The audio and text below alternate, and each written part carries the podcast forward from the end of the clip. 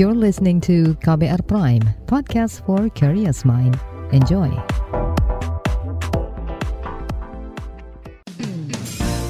Anda mendengarkan Ruang Publik edisi khusus Indonesia Baik. Bersama kita jadikan Indonesia baik. Selamat pagi saudara, kita berjumpa kembali dalam ruang publik KBR dan tema pada pagi hari ini kesetaraan anak Down syndrome dalam mengakses hak kesehatan dan pendidikan. Saudara sejumlah fakta di luar negeri menemukan bahwa anak dengan kondisi Down syndrome kerap mengalami perundungan. Peristiwa ini diyakini dapat menjadikan kondisi anak semakin tak stabil dan membuatnya enggan melaksanakan proses pendidikan. Padahal perlu kita ketahui, anak dengan kondisi Down syndrome adalah anak yang istimewa. Tak jarang mereka memiliki bakat luar biasa yang jarang dimiliki orang lain. Oleh karena itu, hak pendidikan serta kesehatan anak Down syndrome juga tak boleh dilepaskan. Lalu seperti apa sejauh ini pemberian hak pendidikan dan kesehatan anak Down syndrome di Indonesia? Berikut perbincangan saya bersama Wakil Ketua Bidang Informasi dan Komunikasi dan Humas Komunitas Peduli Down Syndrome KPDS, Iskandar Adi Saputra, Dokter Spesialis Kedokteran Fisik dan Rehabilitasi Konsultan Dr. Nila Mayasari, dan anak dengan Down Syndrome, Jesirian Fandinata, serta Ibunda Anita Ratnasari. Pada segmen ini saya berbincang bersama Jesirian Fandinata dan nanti dilanjutkan dengan Ibunda Anita Ratnasari. Jess, uh, Jess pernah sakit nggak Jess? Iya. Apa yang Jess lakukan uh, biar badannya tetap sehat?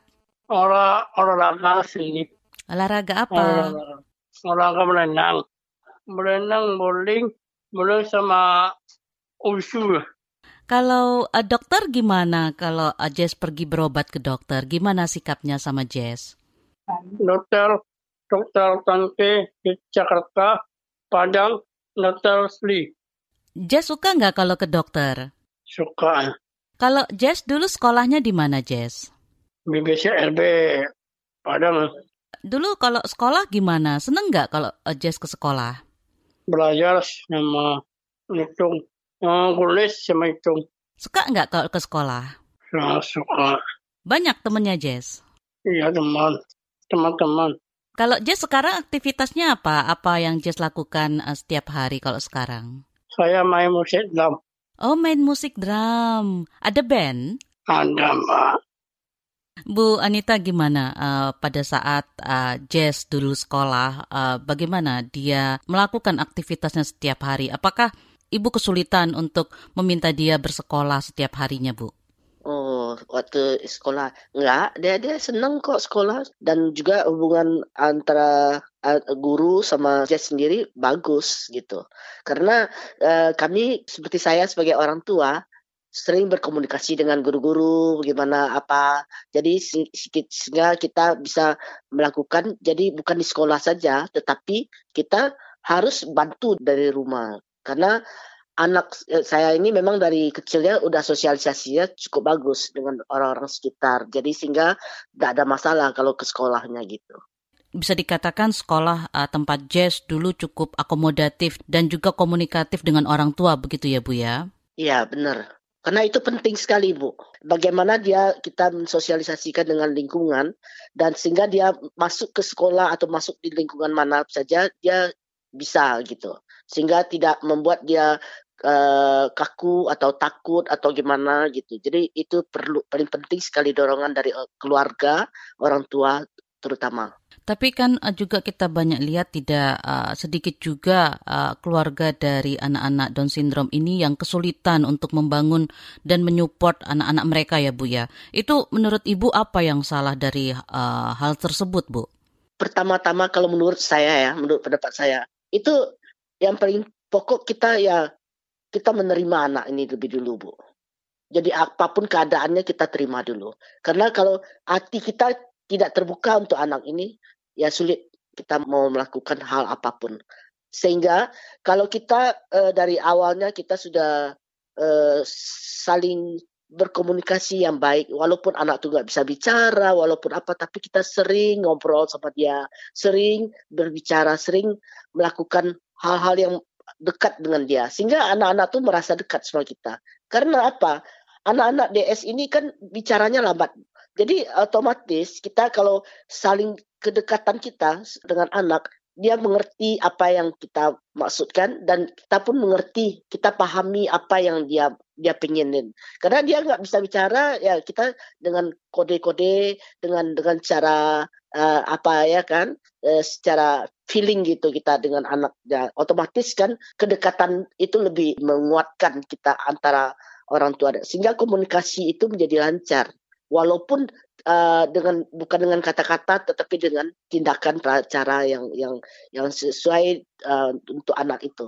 Dan bagaimana kita menarik simpatinya untuk melakukan hal-hal uh, kita contohkan kepada dia. Karena dia betul-betul seperti saya anak saya ini yang kecil ya dia dia dari kecil itu kosong aja hampa aja pandangannya bu. Jadi kosong nggak ada pokoknya pertama dulu masih kecil itu dia kurang respon sama sekali jadi bagaimana saya menarik dia supaya dia memperhatikan gerakan saya memperhatikan saya dengan cara begitu melakukan sesuatu hal-hal yang atraktif gitu untuk menarik perhatiannya sehingga kita bisa bisa uh, dia fokus ke kita dan kita bisa kalau dia sudah fokus ke kita kita bisa mengarahkan anak ini. Oke, di situ pentingnya uh, keterikatan antara orang tua dan anak ya Bu ya supaya bisa berkomunikasi tanpa uh, mungkin uh, tidak hanya dengan kata-kata tetapi juga dengan kode dan juga feeling begitu ya Bu ya.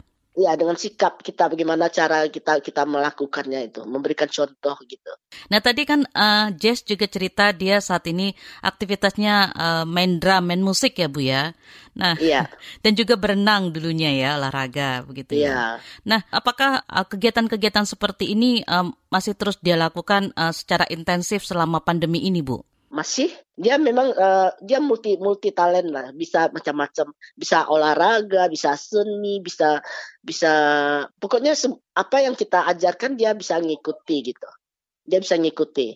Uh, jadi makanya kalau sekarang ini pandemi ya kadang-kadang ada ada lomba-lomba senam uh, saya ikutkan. Ada lomba ini lomba itu saya ikutkan. Pokoknya uh, uh, beraktivitas deh. Kalau apa aja ada kegiatan saya ikutkan aja. Karena secara virtual dia bisa ikut gitu. Dan dia tentunya senang ya Bu ya mengikuti berbagai lomba begitu ya? Iya dia senang sekali. Makanya uh, dia ikut aja mau ayo deh uh, Jess kita ini uh, dia, dia mau aja diarahkan dia. Uh. Nah untuk kalau uh, ke dokter atau ketika dia sakit Bu gimana ketika Ibu uh, berhadapan dengan dokter dan tenaga kesehatan lainnya Bu seperti apa mereka uh, menghadapi uh, Jess? Uh, responnya cukup bagus, cukup uh, cukup ramah dengan uh, anak-anak ya. Jadi uh, mereka tidak tidak ada ya kadang-kadang Bu uh, kenapa anak-anak ini kadang-kadang kita ya di karena di masyarakat umum ya mereka tuh udah udah bisa terima dia si Jess ini karena sudah terbiasa kita mensosialisasikan dia. Sehingga di mana pun di mana pun tempatnya di mana pun lingkungannya orang bisa terima dia gitu Ah, itu yang paling penting. Dan kenapa pada waktu memang kadang-kadang pada waktu kecil anak-anak ini mempunyai dunia sendiri, Bu. Jadi itu yang harus kita sebagai orang tua bagaimana kita bisa mengendalikan anak itu sehingga jangan larut dia di dalam di dalam kehidupan dunianya itu. Contoh misalnya anak-anak ini kan kadang-kadang dia suka bicara sendiri, Bu seakan dia ada teman-temannya, seakan dia dia bermain kayak pokoknya seperti dia dia dia punya lingkungan sendiri, punya kehidupan sendiri, Bu. Kalau yang seperti itu, kalau kita sudah lihat, jangan kita biarkan, Bu.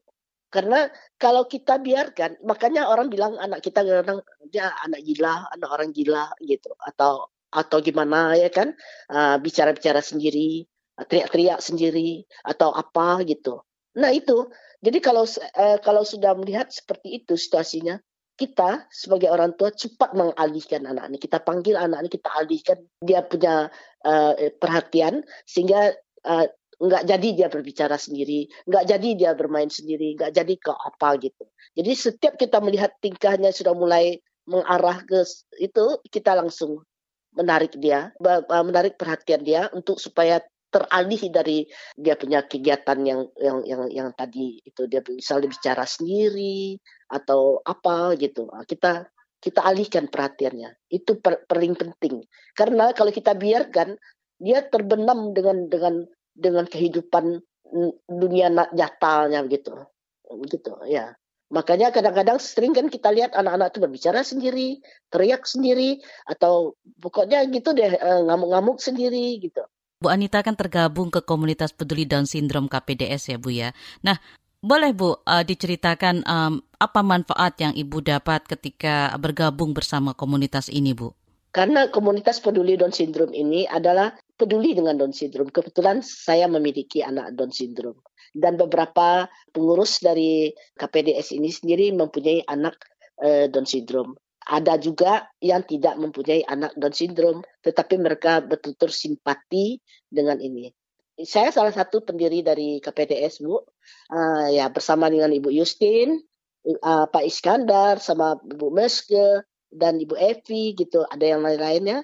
Uh, jadi kami membentuk ini. Tujuan kami adalah untuk memberikan kesempatan peluang untuk untuk uh, anak-anak Down syndrome untuk bisa menyampaikan dia punya uh, talenta untuk uh, itu supaya mereka tuh bisa mengembangkan diri, memberikan informasi kepada keluarga-keluarga yang memiliki anak Down syndrome gitu. Dan kita melakukan aktivitas ini supaya uh, anak-anak kita ini punya kesempatan untuk bisa uh, mengapakan dirinya gitu, kegiatan-kegiatannya, karya-karyanya sehingga anak-anak uh, Down syndrome yang lain juga bisa bisa merupakan uh, motivasi untuk mereka gitu ya kan agar mereka pun bisa beraktivitas dan bisa berkarya, bisa berprestasi. Nah, dan juga kita menimbulkan kepercayaan kepada orang tua bahwa uh, ayo dong bahwa uh, kita harus semangat uh, dengan dengan semangatnya orang tua, anak-anak kita juga lebih bagus, lebih aktif dia untuk untuk beraktivitas gitu. Dan tidak usah malu ke, uh, kepada masyarakat. Jadi kita harus tunjukkan bahwa kita uh, keluarga KPDS ini kita kita tunjukkan bahwa kita ini adalah orang-orang tua yang yang betul-betul care dengan anak-anaknya dan peduli dengan perkembangan anak-anak ini dan kemajuan anak-anak Down syndrome. Karena itu dasar utama, Bu. Dasar utama dari dari suatu tumbuh kembang anak itu dimulai dari keluarga sendiri, dari rumah sendiri gitu. Ruang publik KBR pagi ini adalah rekaman, jadi kami tidak bisa menerima pertanyaan dari pendengar. Jangan ke mana-mana, tetap di ruang publik KBR. Masih Anda dengarkan Ruang Publik KBR. Commercial break. Commercial break.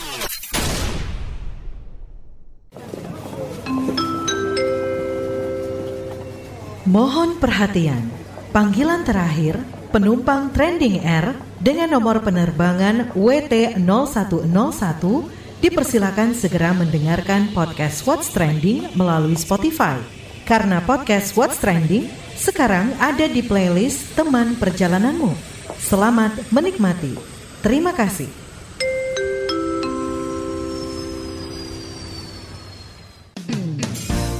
Anda mendengarkan Ruang Publik edisi khusus Indonesia Baik Bersama kita jadikan Indonesia baik.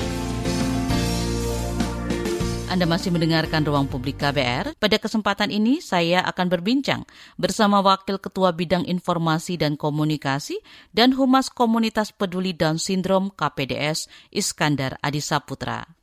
Pak Iskandar, uh, bully atau perundungan kan masih uh, sering saja terjadi, terutama dialami oleh orang-orang yang dianggap berbeda oleh sekitarnya, termasuk juga mungkin dialami anak dengan Down syndrome. Nah, salah satu dampak perundungan kan bisa membuat anak enggan belajar dan sekolah.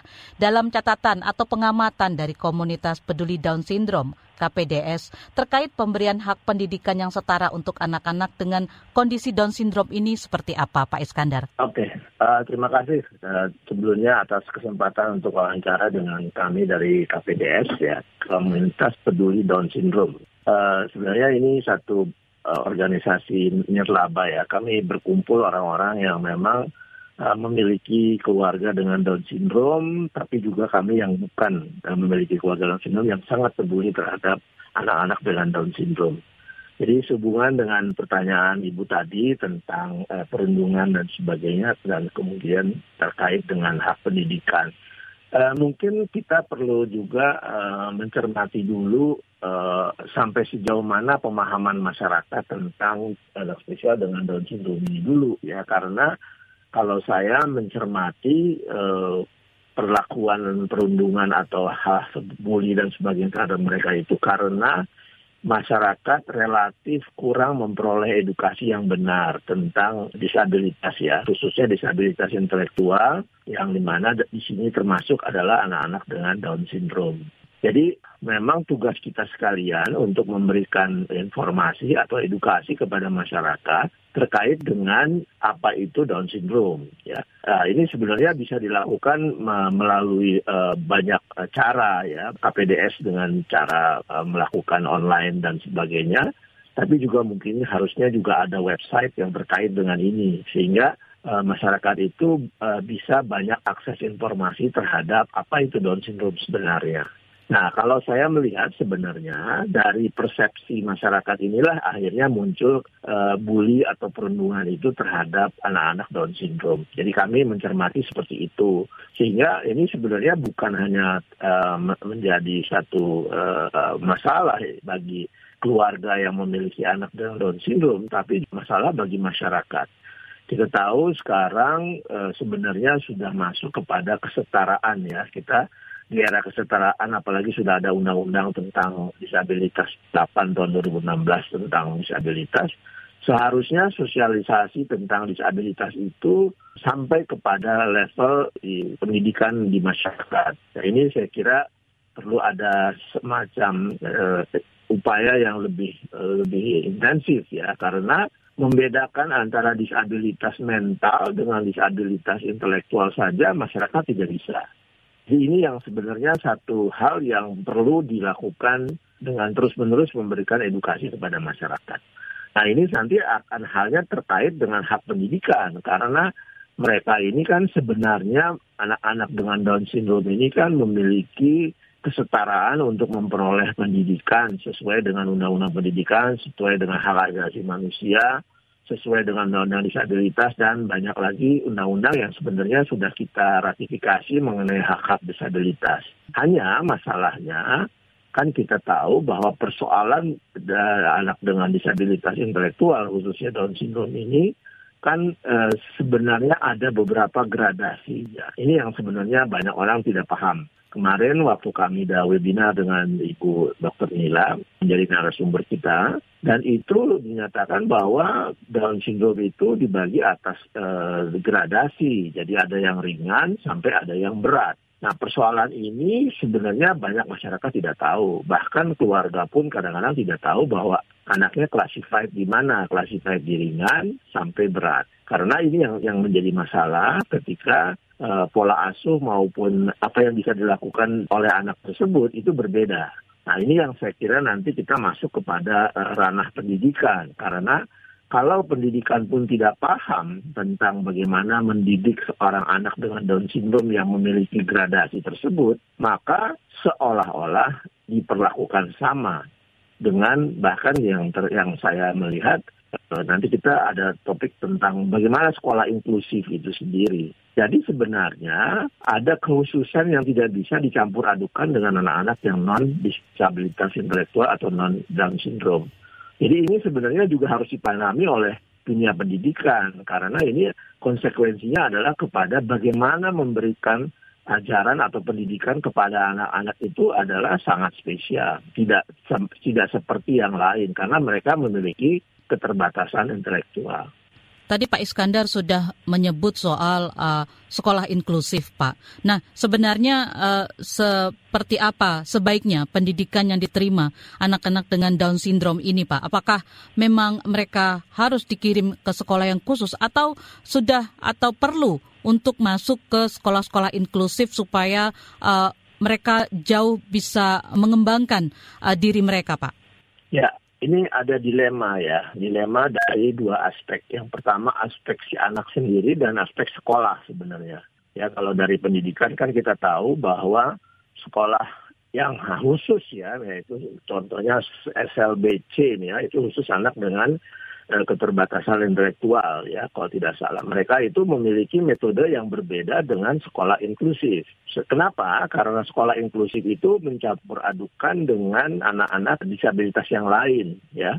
Padahal sebenarnya penanganan anak disabilitas intelektual karena kemampuan mereka untuk belajar itu uh, adalah uh, relatif lambat dan juga uh, harus uh, istilahnya berulang-ulang maka ini sebenarnya kalau di sekolah inklusif harusnya ya inklusif itu uh, berbeda ya berbeda begini. Kalau inklusif yang sekarang didesain oleh pemerintah semua disabilitas masuk di dalam sekolah inklusif.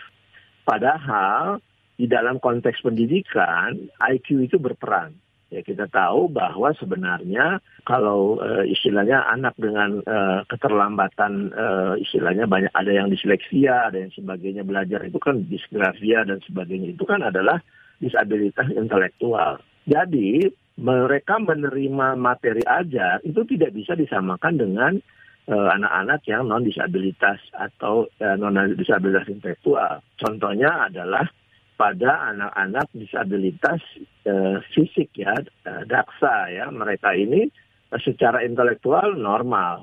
Maksudnya mereka intelektualnya rata-rata sama dengan anak-anak non disabilitas. Sehingga kalaupun anak-anak disabilitas yang uh, fisik itu dijatuhkan di dalam sekolah inklusi, mereka tidak bermasalah. Hanya masalah mungkin dia memiliki disabilitas uh, fisik saja. Tapi untuk pelajaran dan sebagainya mungkin malah mereka memiliki kemampuan melebihi anak-anak yang non disabilitas. Ini kita sudah akui ya banyak jenius-jenius juga yang berasal dari anak-anak disabilitas. Nah konsep inklusi ini sebenarnya hanya cocok kalau menurut saya itu untuk kelompok yang disabilitas non intelektual. Makanya kemudian itu menjadi PR kita bersama uh, terus-menerus untuk terus uh, mensosialisasikan tentang uh, kondisi anak-anak disabilitas ini ya Pak ya. Dan tentunya ini yang dilakukan KPDS ya Pak ya. Boleh diceritakan Pak untuk uh, peringatan Hari Down Syndrome ini Pak, apa yang dilakukan?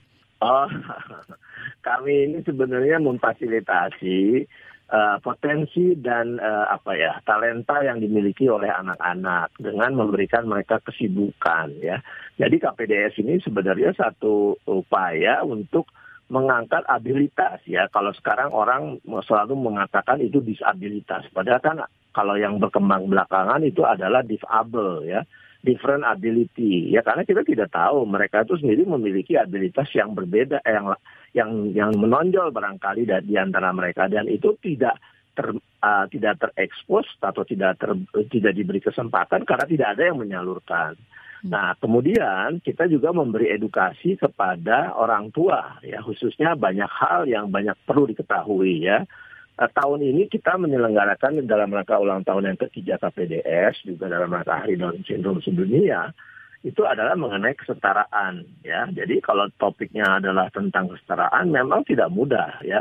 Tapi juga kita harus paham secara kemarin eh, Dr. Nila tampil juga dalam webinar kita eh, khusus mengenai problem, problematika di kalangan anak-anak Down syndrome remaja.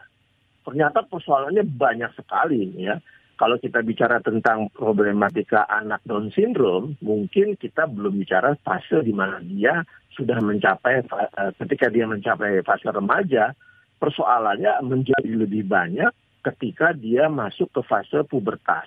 Ini yang banyak orang tidak paham ya, karena kalau e, melihat kematangan dari emosi dan sebagainya, anak umur 14 tahun pada disabilitas intelektual seperti e, Down syndrome itu uh, eh, IQ-nya mungkin sama dengan balita. Jadi ini kalau kita katakan fisiknya secara normal itu dia sudah remaja, tapi uh, attitude-nya apa namanya uh, dia punya perilaku ya masih seperti anak kecil.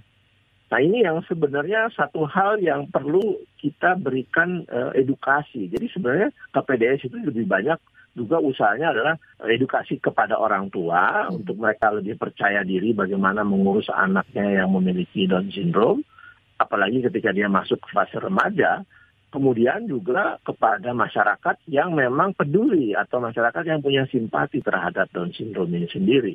Sehingga kita mencoba mempertemukan termasuk dengan sponsor yang memang mereka memiliki satu atensi, mereka sangat-sangat concern bahwasanya hal ini perlu didukung ya adanya satu uh, media atau ada wadah untuk memberikan uh, apa namanya memberikan uh, edukasi dan advokasi kepada keluarga yang memiliki anak dengan Down syndrome. Itulah kira-kira tujuan daripada KPDS itu sendiri. Dan nanti rencananya kegiatannya akan berlangsung uh, tanggal berapa, Pak?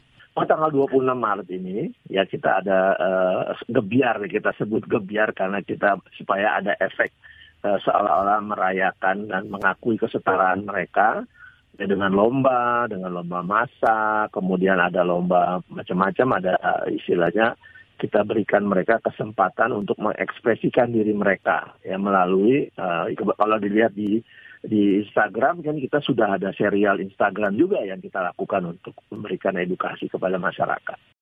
Nah, bagi para pendengar yang ingin mengetahui kegiatan KPDS terutama pada tanggal 26 Maret nanti, bisa mengecek akun Instagram KPDS di @kpds.id di kpds.id di Instagram. Saudara kami ingatkan kembali kalau ruang publik KBR edisi hari ini adalah rekaman, jadi kami tidak bisa menerima pertanyaan dari pendengar. Jangan ke mana-mana. Mendengarkan Ruang Publik edisi khusus Indonesia Baik. Bersama kita jadikan Indonesia baik. Terima kasih untuk Anda yang masih setia mendengarkan Ruang Publik dari KBR edisi hari ini dengan tema Kesetaraan Anak Down Syndrome dalam mengakses hak kesehatan dan pendidikan. Kali ini kita akan menyimak penjelasan dokter spesialis kedokteran fisik dan rehabilitasi konsultan Dr. Nila Mayasari. Dokter, um, dari kacamata uh, sebagai uh, tenaga kesehatan, seperti apa pemenuhan hak kesehatan, terutama untuk uh, orang-orang anak-anak disabilitas dalam hal ini Down syndrome, sesuai dengan yang dokter alami dan juga mungkin dokter amati di lapangan? Uh, jadi memang saat ini isu mengenai inklusif, isu mengenai kelompok disabilitas ini cukup uh, memberikan warna tersendiri ya bagi kita masyarakat Indonesia. Sebenarnya terkait dengan hak mereka sebagai masyarakat inklusif ataupun kita sebut sebagai penyandang disabilitas itu oleh negara sejak dulu tuh sudah di sudah dijaminkan, sudah diamanahkan sebenarnya.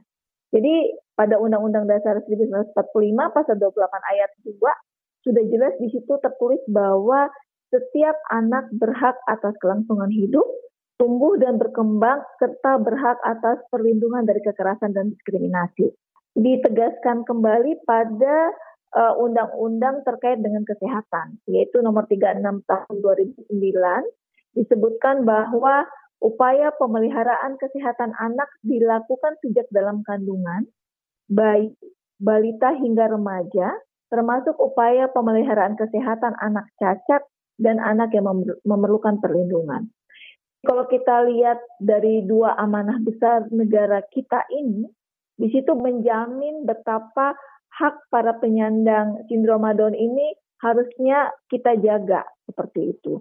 Cuman memang dalam perjalanan dinamika kehidupan uh, ya tidak semua kemudian masyarakat kita paham terkait dengan kelompok spesial ini.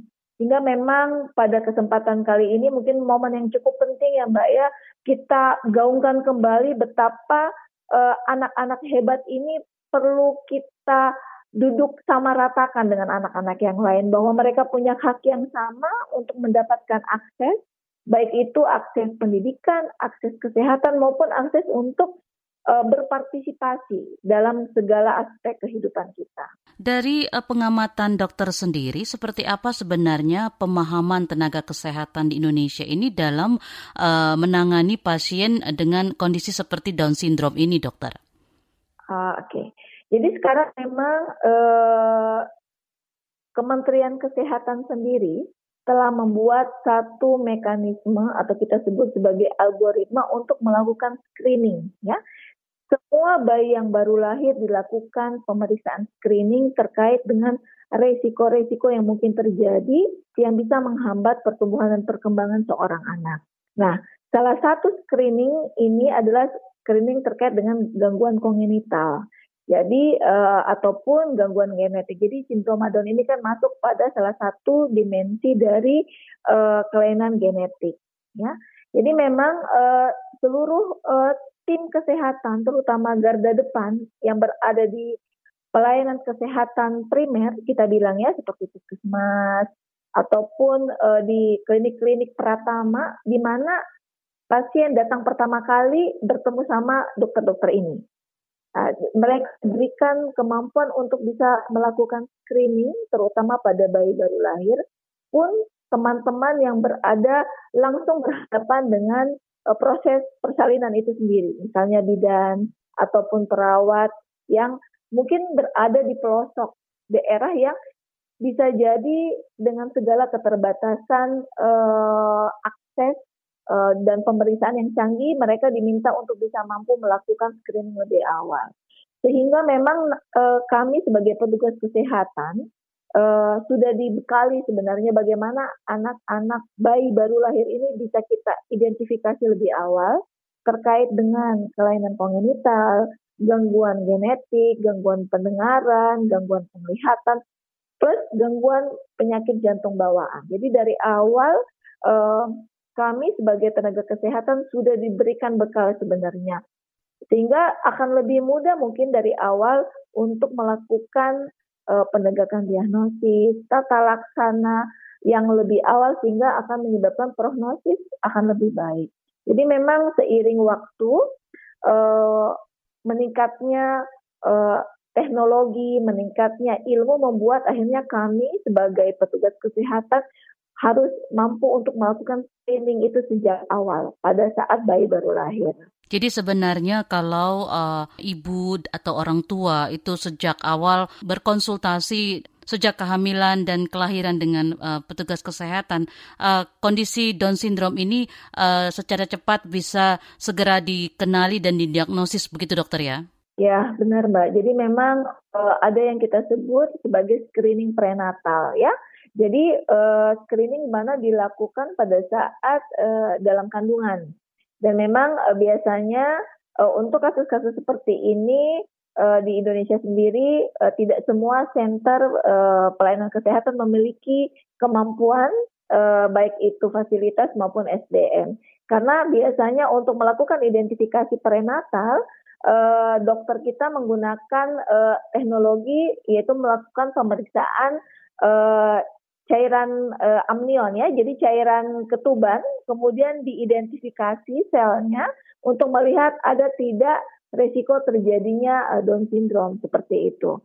Nah, kalau untuk yang uh, lebih mudah sebenarnya adalah uh, ketika uh, bayi segera setelah bayi lahir. Jadi biasanya kita akan uh, bisa mengenali lebih cepat karena mereka memiliki kekhasan ya uh, dari wajah. Jadi karena memang uh, trisomi ini kemudian memberikan karakteristik khusus buat anak-anak hebat ini. Jadi kita sebut sebagai tipikal uh, wajah seribu wajah, jadi atau mongoloid face ya. Jadi biasanya lebih mudah sekali diidentifikasi dengan karakteristik uh, kedua kelopak mata yang jaraknya lebih jauh, kemudian uh, makroglosi uh, proporsi antara uh, rahang dengan lidah yang tidak uh, proporsional sehingga kesannya seperti uh, lidahnya lebih menggigir keluar, kemudian uh, kita lihat biasanya hidungnya lebih rata, lehernya lebih pendek. Kemudian kalau kita lihat di uh, ekstremitas atau uh, tangan dan kaki, biasanya kita lihat tangan yang lebih lebih lebar dengan jari-jari yang lebih pendek. Juga memang karakteristik ini biasanya lebih mudah dikenali atau diidentifikasi oleh petugas kesehatan dibanding kita misalnya melakukan screening prenatal pada saat uh, ibu uh, fase hamil gitu. Apakah uh, ada aturan khusus yang diterapkan kepada tenaga kesehatan kita dalam menangani pasien Down syndrome, dokter? Atau kalau ada seperti apa? Ya, jadi kita tahu bahwa uh, mereka lahir bisa jadi uh, di daerah-daerah yang terpencil, atau kalau misalnya mereka uh, uh, pun lahir bisa di satu fasilitas kesehatan yang cukup lengkap timnya.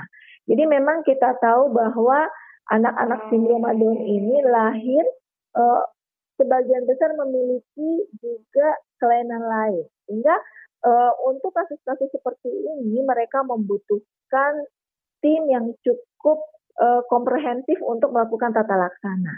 Jadi ketika didiagnosis sebagai sindroma Down uh, melalui screening klinis oleh uh, tenaga kesehatan, maka akan dilakukan screening lanjutan terkait dengan faktor resiko. Jadi uh, beberapa anak dengan sindroma Down itu uh, memiliki resiko mengalami hipotiroid. Melakukan screening itu menjadi sangat penting untuk melihat apakah ada penyakit penyerta lainnya yang bisa menyebabkan gangguan pertumbuhan dan perkembangan pada anak dengan sindrom Down. Jadi salah satunya adalah kita melakukan screening terkait dengan hormon tiroid. Jadi mereka memang beberapa dari uh, anak-anak sindrom Down itu memiliki resiko terjadinya congenital hipotiroid atau hipotiroid dapatan. Yang kedua terkait dengan uh, kelainan jantung bawaan atau kita sebut sebagai PJB.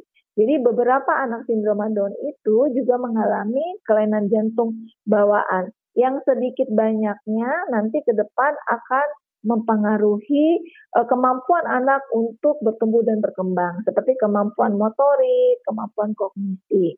Selain itu, uh, kita juga akan melakukan screening terkait dengan bagaimana tinggi badan, berat badan, milestone atau bagaimana sih capaian kemampuan anak terkait dengan motorik kasar, motorik halus, komunikasi, kognisi, maupun psikososial.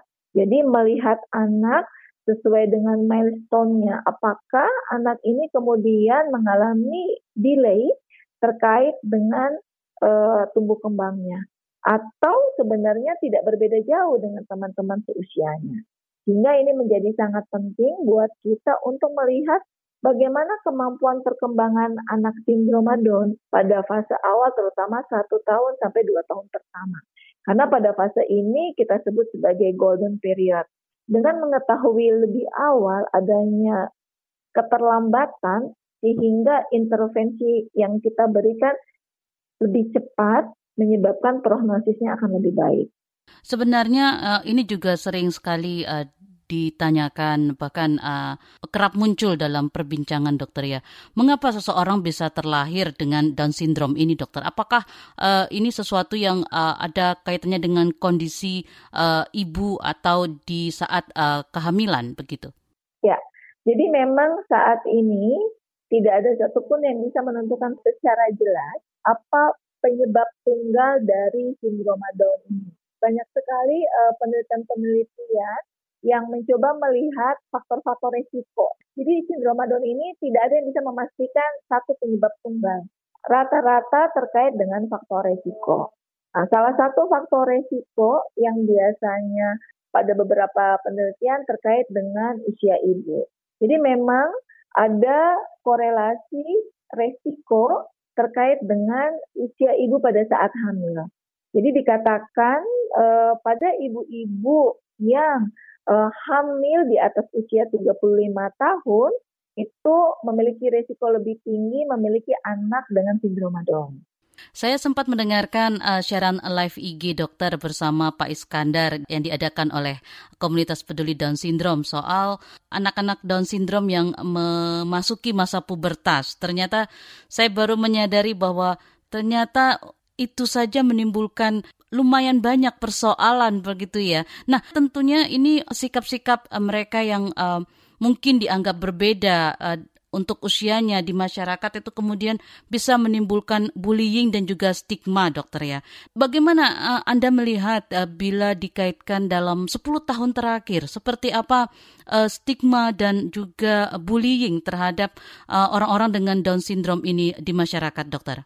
Jadi uh, ini masih menjadi isu yang cukup besar ya, bukan cuma kita di Indonesia, tapi juga bahkan di dunia. Sehingga kemudian kenapa pada tahun ini tema Hari Down Syndrome Internasional di 2022 mengangkat tema Inclusion. Jadi memang karena ini menjadi isu yang cukup hangat dan merebak, uh, bukan cuma di kita, Eh, sehingga akhirnya ini menjadi tema sentral. Bagaimana memberdayakan orang-orang di seluruh dunia untuk mampu mengadvokasi terkait dengan inklusi para penyandang sindrom Down. Kembali kami ingatkan saudara kalau ruang publik KBR edisi hari ini adalah rekaman, jadi kami tidak bisa menerima pertanyaan dari pendengar. Tetaplah bersama kami. Masih Anda dengarkan Ruang Publik KBR. Commercial break. Commercial break. Bu Hado, kabar kamu? Ba kabarnya. Gimana kabarnya? Kumaha damang? Piye kabare? Kayak apa kabar pian? Aga kareba, baji-baji ji. Kengken kabarene. Naragiro telo.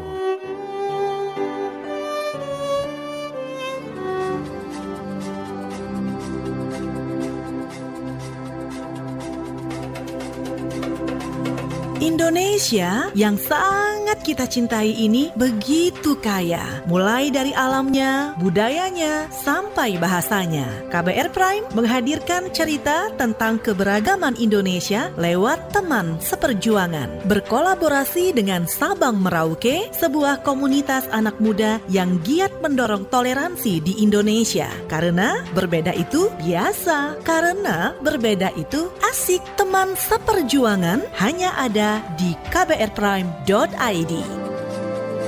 KBR Prime, podcast for curious mind. Anda mendengarkan Ruang Publik edisi khusus Indonesia Baik. Bersama kita jadikan Indonesia baik.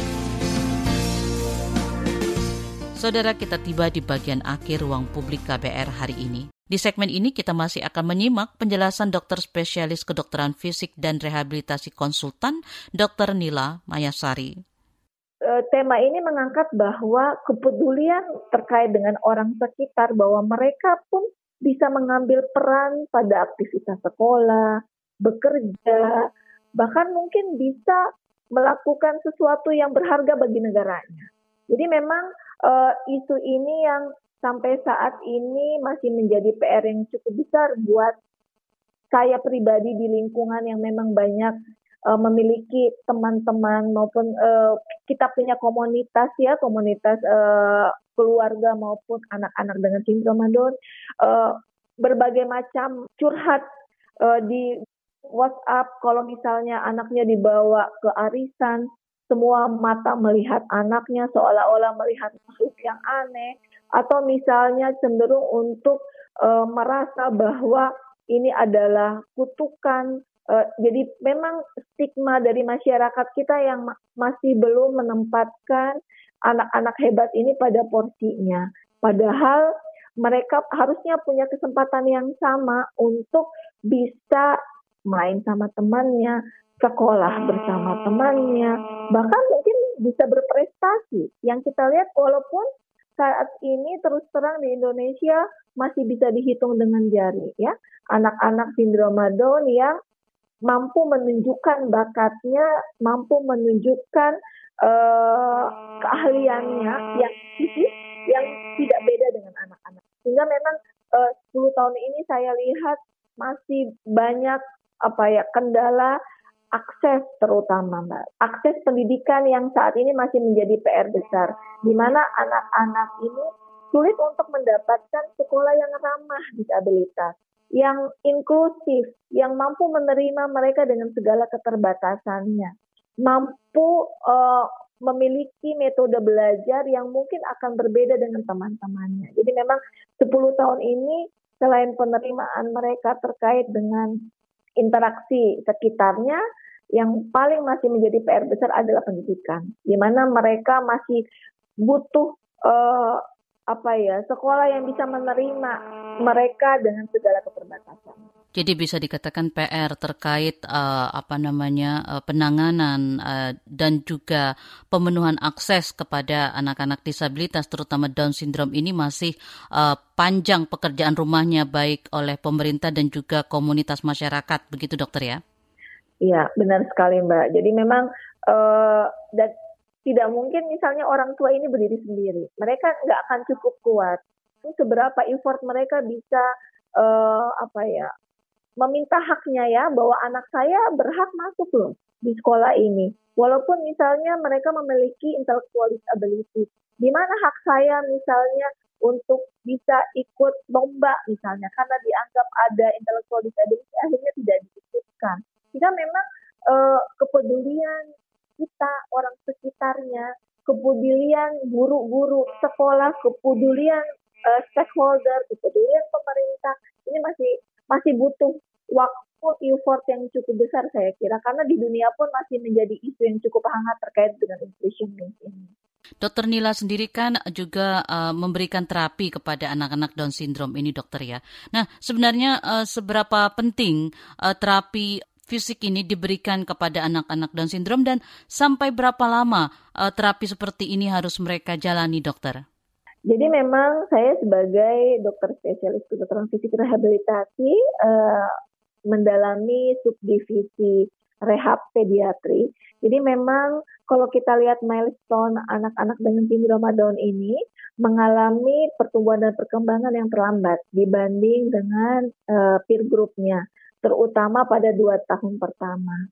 Karena karakteristik trisominya, karena karakteristik kelebihan satu kromosom, membuat mereka memiliki uh, otot yang lebih letoi kita bilangnya bahasa awamnya letoi atau bahasa medisnya adalah hipotonus, hipoton, lembek sehingga membuat akhirnya kemampuan awal motoriknya itu sangat terlambat dibanding teman-temannya. Nah, apa yang mau kita lakukan? Kita sudah tahu bahwa mereka punya modal mungkin yang tidak sama dengan teman-temannya. Kita punya teori yang kita sebut sebagai neuroplasticity. Jadi eh, activity induce neuroplasticity. Plasticity ya. Jadi ketika seorang anak kita intervensi, seorang anak kita latih, sehingga sistem saraf pusat akan melihat, oh iya, bukannya merasa. Nah, dengan demikian, dengan melatih berulang-ulang, dengan uh, program yang terarah dan terencana, kita berharap bahwa ketertinggalan anak-anak hebat ini tidak terlalu jauh. Walaupun secara teori mereka uh, memang tertinggal. Cuman seberapa jauhnya ketertinggalan itu bisa kita uh, minimalkan. Salah satunya adalah dengan melakukan uh, rehabilitasi medik secara teratur. Kita harapkan ketertinggalan ini tidak terlalu jauh. Dan pada usia di mana mereka uh, kita harapkan bisa siap seperti teman-temannya, maka mereka siap sesuai dengan target yang kita rencanakan dari awal. Karena kita anggap bahwa ada yang namanya periode emas, golden period. Jadi pada fase awal di mana orang tua memiliki uh, apa ya kesempatan supaya anak-anak ini bisa sama dengan teman-temannya. Seperti itu, Mbak. Uh, apa uh, pesan dokter kepada uh, masyarakat terutama pendengar KBR yang mendengarkan siaran kita di pagi ini terhadap bagaimana peran masyarakat dan keluarga untuk membantu uh, anak-anak disabilitas terutama Down syndrome ini agar stigma dan hak mereka dapat dipenuhi dokter. Ya, oke. Okay.